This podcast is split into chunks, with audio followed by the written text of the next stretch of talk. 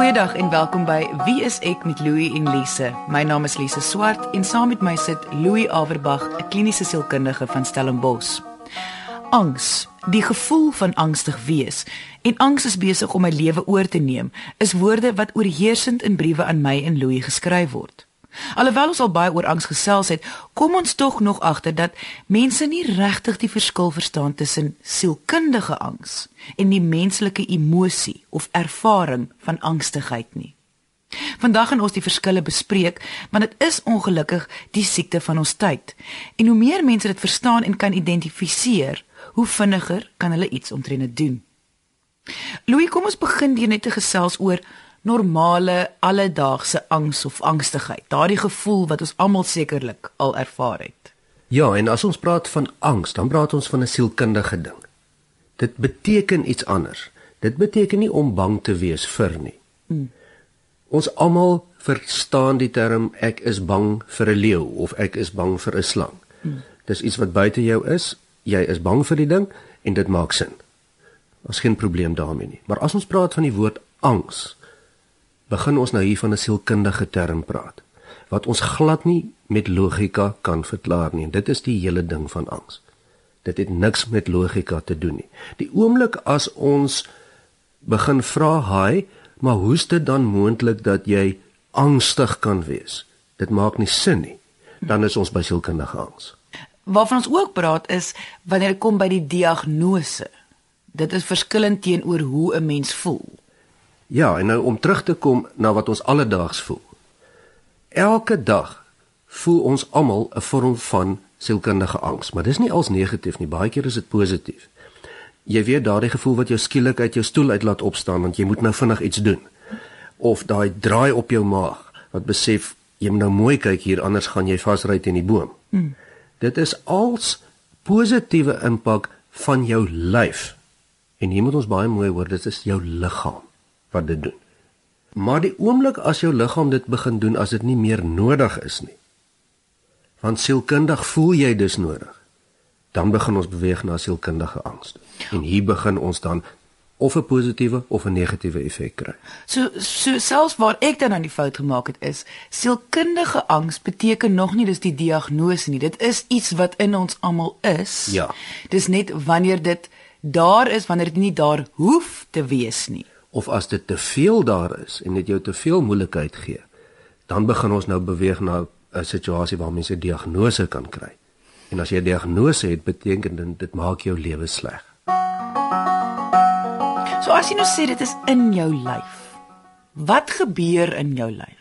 Ons moet baie mooi verstaan wanneer mens angstig voel of of selfs in realiteit bang voel, is dit nog steeds iets wat by jou lyf begin, nie by jou gedagtes of jou emosies nie.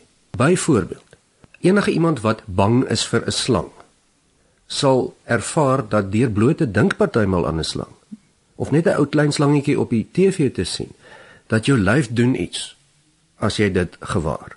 Jou maag trek saam of jou spiere trek saam. Dit begin altyd by jou lyf en dit kom uit ons eeue oue ek wil amper sê ons oerbrein uit. Ons is so gemaak ons is so lank deur evolusie so gekom dat sonder dat ons daaraan kan dink reageer ons lyf onmiddellik om ons te beskerm. Hmm. dit is die hoofdoel om ons te beskerm. Dis 'n baie primitiewe ding.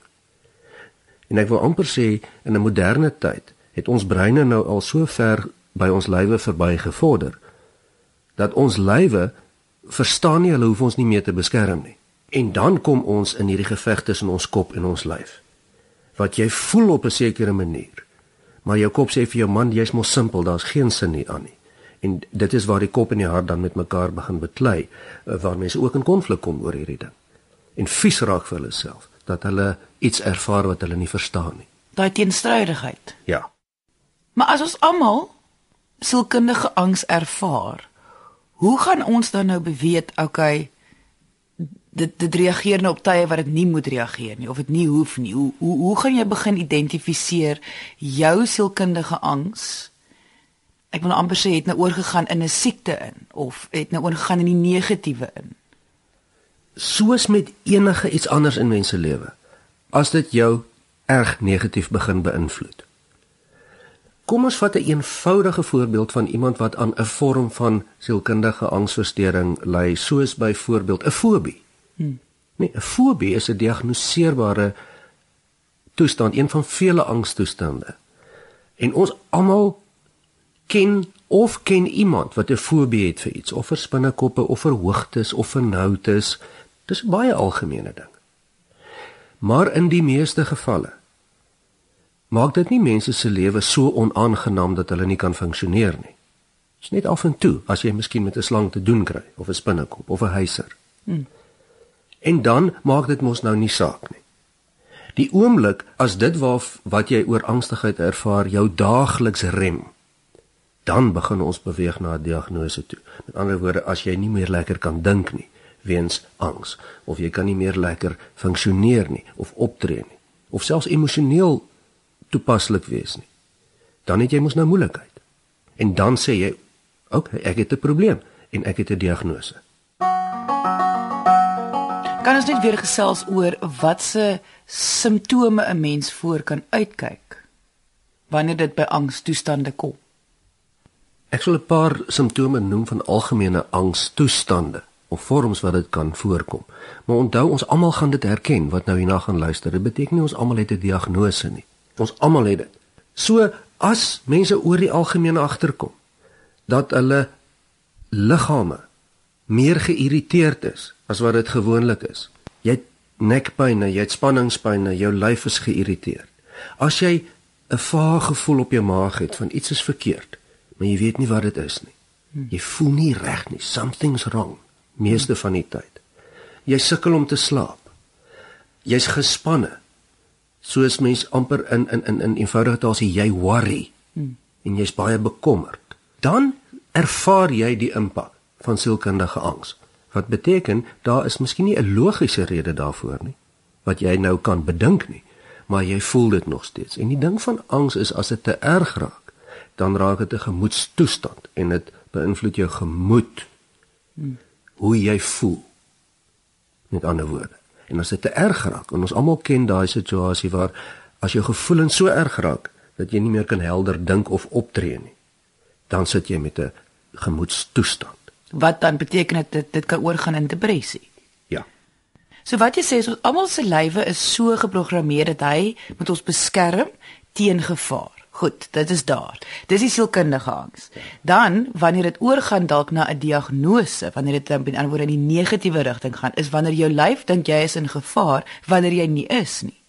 En dis wanneer jy begin simptome ervaar langer, meer, baie meer intens as die normale gewone angstigheid in 'n oomblik.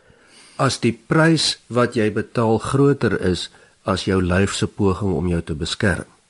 Sal mense wat saam met jou woon of of geliefdes, sal hulle dit agterkom, sal mense soos simptome hê van irritasie of uh kort van draad of sulke simptome? Ja, jy sal dit duidelik kan sien. Met ander woorde, die persoon sal anders wees as wat hy of sy gewoonlik is as daar 'n diagnose is. As jy mos nou erge griep het, kan mens mos duidelik sien jy's anders as gewoonlik. Daar is waarneembare simptome uh vinnig praat, sukkel om te slaap, bekommerde gesigsuitdrukkings, meer sweterig, gespanne. Ons sien dit tog by ander mense. Jy luister na Wie is ek met Louie en Lise op RSG 100 tot 104 FM. Ons praat nou baie um oor die algemeen hierso. Daar's tog baie gevalle waar angs, uh, as dit nou diagnoseerbare angs, net op sekere tye manifesteer. So sekere mense raak net angstig wanneer hulle in 'n winkelsentrum is of ehm um, wanneer hulle besig is om op te breek in 'n verhouding. Ja, jy weet as mens mens kan nou baie gaan hare kloof oor hierdie ding om om goedjies in kompartemente op te breek. En as mens diagnosties wil gaan kyk, byvoorbeeld, dan moet mens dit eintlik doen. Jy weet, posttraumatiese stresversteuring byvoorbeeld is 'n vorm van 'n angsversteuring, maar dit kom net voor na 'n spesifieke insident algemene angsversteuring is iets anders. Ehm um, fobie is iets anders. Soos jy nou presies gesê het, kom net voor as daar as jy gekonfronteer word met met daardie spesifieke ding waaroor jy fobie het. Hmm. Die kern van al hierdie ding is dat daar 'n onlogiese angs is wat partymal manifesteer dit permanent, partymal net in sekere omstandighede, partymal word dit gesneller deur iets. Maar die kern daarvan is hier is nie logika aan nie. Hoekom moet 'n mens enigstens bewus wees hiervan? Angs, soos jy nou verduidelik het, sielkundige angs is 'n gesonde deel van menswees. Omdat dit lyk asof ons in ons moderne samelewing hierdie ding gemis het.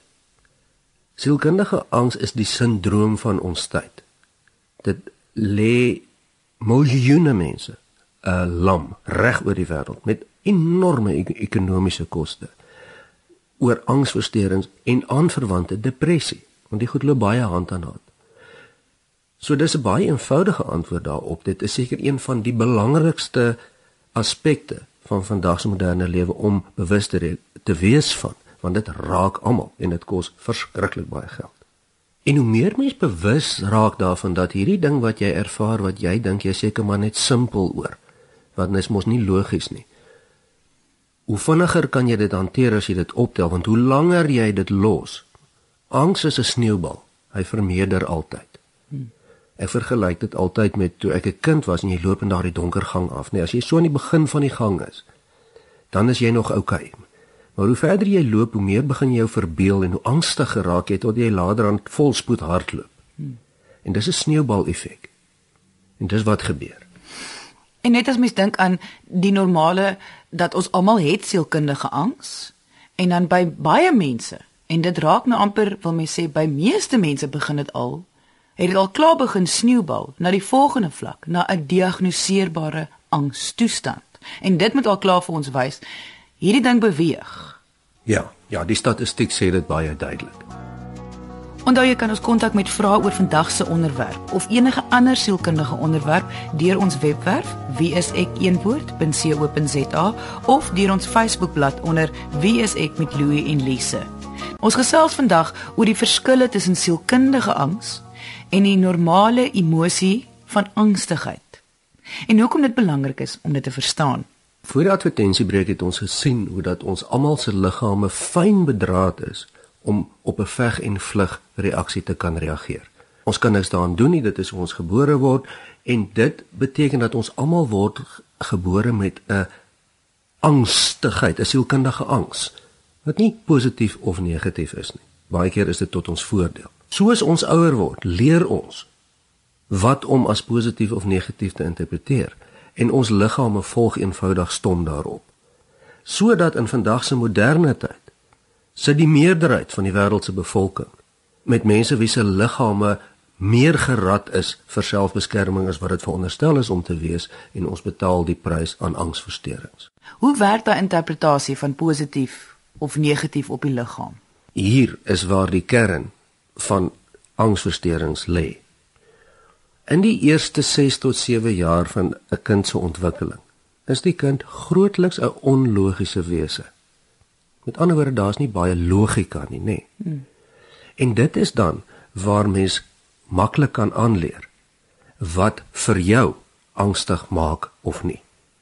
Mense byvoorbeeld, kan jy leer in daai tydperk.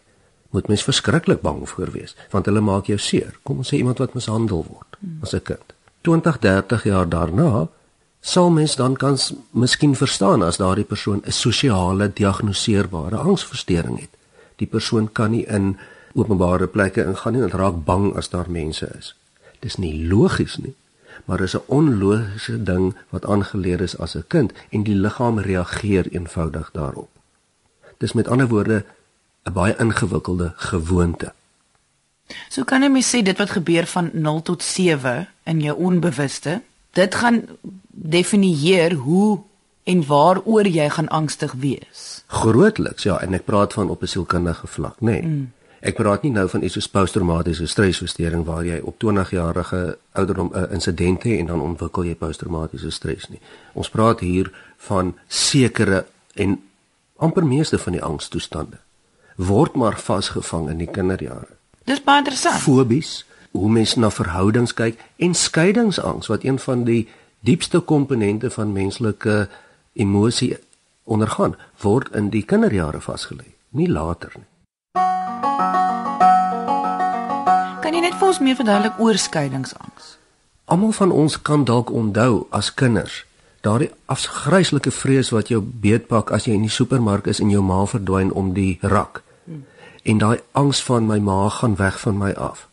En die rou angs wil mens amper sê, wat nie veel met logika te doen het nie. Snaaks dat baie volwassenes ervaar hierdie ding in verhoudings en dit is waar mense wat dan obsessief raak, nie wat ook 'n angsversteuring is. Hmm vandaan kom. As iemand dan uit die verhouding wil gaan, daai verskriklike angs pak jou so beet dat jy dit nie kan hanteer nie. En dis 'n onlogiese, amper 'n kinderlike angs. Dis skeidingsangs. Dit beteken toe jy nog nie 'n logiese wese was nie, het jy aangeleer dat iets verskrikliks kan met jou gebeur emosioneel as mense van jou af weggaan. So jou optrede as volwassene rondom angs word meestal gerig uit onbewuste invloede uit. Kyk, ek besef dit gaan nou nie vir almal dieselfde storie wees, maar wat jy nou praat van is is wat hulle nou in Engelse terme sê is 'n stalker. Ja. Kan byvoorbeeld skeiingsangs ervaar. Meestal.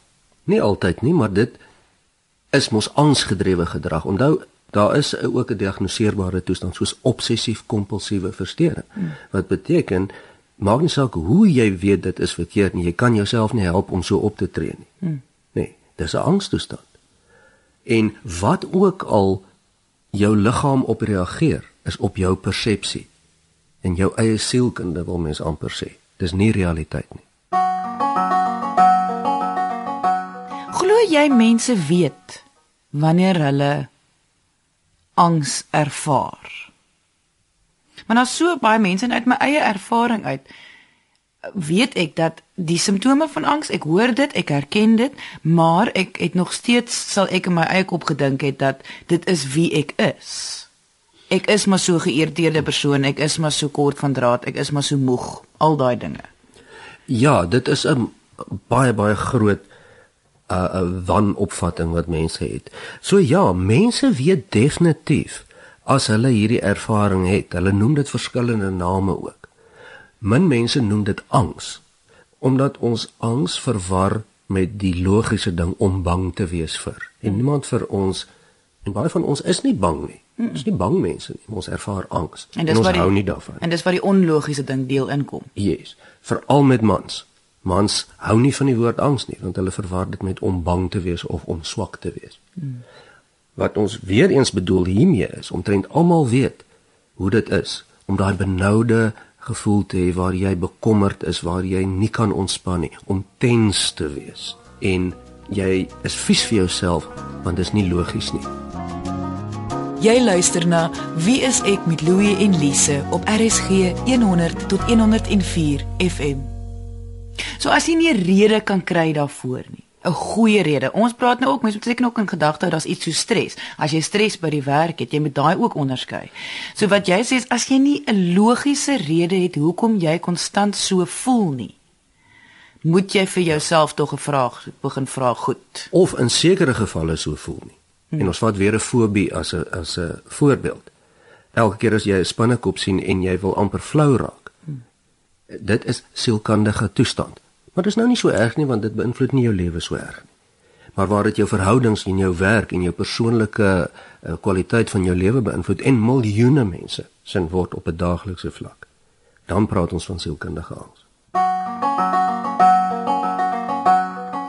Is daar 'n uh, eh, 'n eh, toetsie of iets wat die luisteraars kan doen om dalk vir hulle self te kan toets? Ja, ek ek kan vir jou 'n paar aanduiders gee en ek kan miskien vir jou so 5 of 6 vragies vra wat mens dan na kan kyk en as jy op die meerderheid hiervan ja antwoord is daar 'n baie goeie kans dat jou lewenskwaliteit sleg beïnvloed word deur sielkundige angs. En ek wil weer sê dit is net 'n aanduiding, hoor. Mens kan ons nou nie oor die radio net so sê nie. Maar as jou antwoorde op die volgende vraag oorwegend ja is, dan moet jy miskien hieraan begin dink en en miskien na jou huisdokter gaan of iets probeer doen.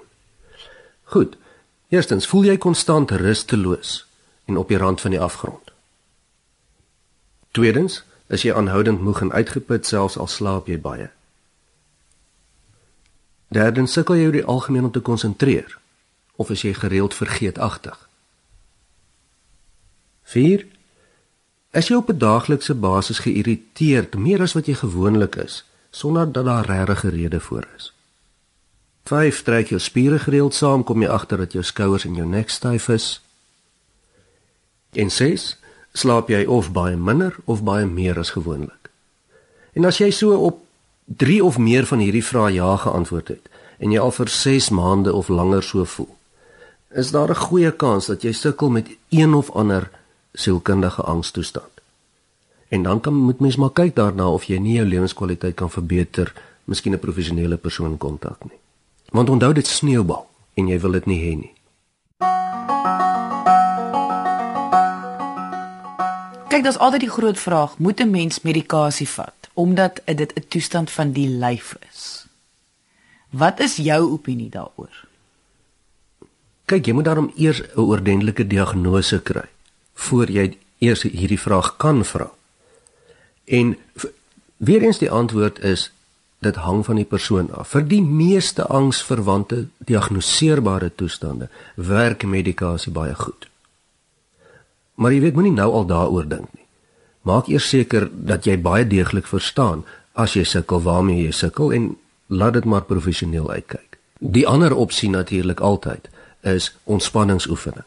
En daar is geweldige navorsing deesdae wat uit alle oorde uit bewys dat ontspanningsoefeninge, meditasie, ontspanningsterapie, bloot net rustig jou asemhaling beheer byvoorbeeld, baie groot gesondheidsvoordele inhou, want dit is 'n teenvoeter vir angs. Onthou dit werk teen jou lyf en laat jou lyf afkalling.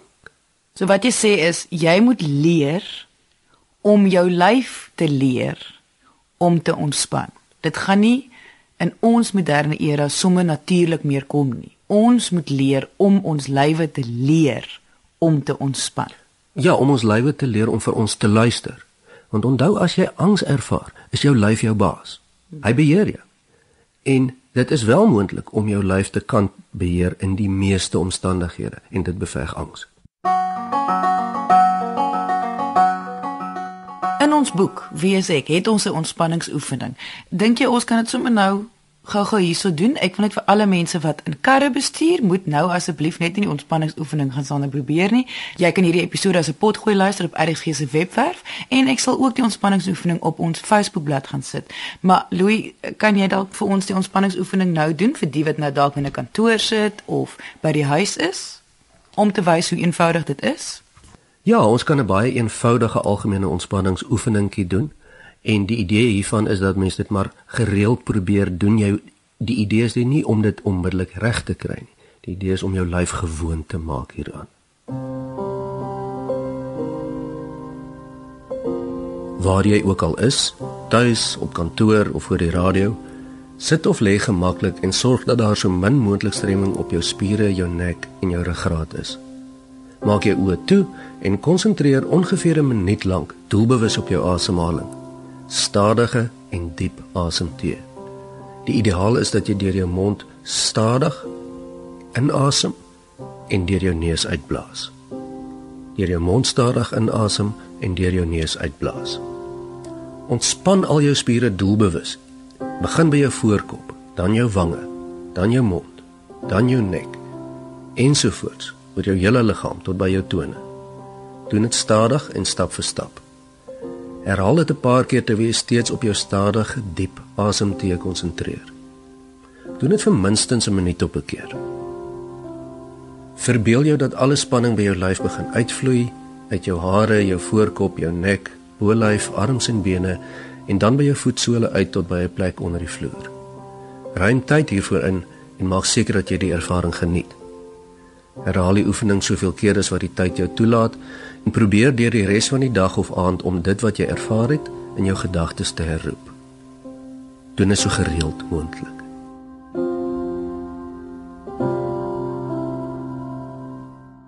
Ons het aan die einde van vandag se episode gekom. Onthou jy kan ons kontak met jou vrae deur ons webwerf wieisek.co.za of deur ons Facebookblad onder wie is ek met Louie en Lise. Ons sal ook die ontspanningsoefening op ons Facebookblad sit. Dankie dat jy vandag ingeskakel het. Ons maak weer so volgende Vrydag net na 12:00 op RSG. Jy moet 'n heerlike naweek hê he, en onthou, kyk mooi na jouself.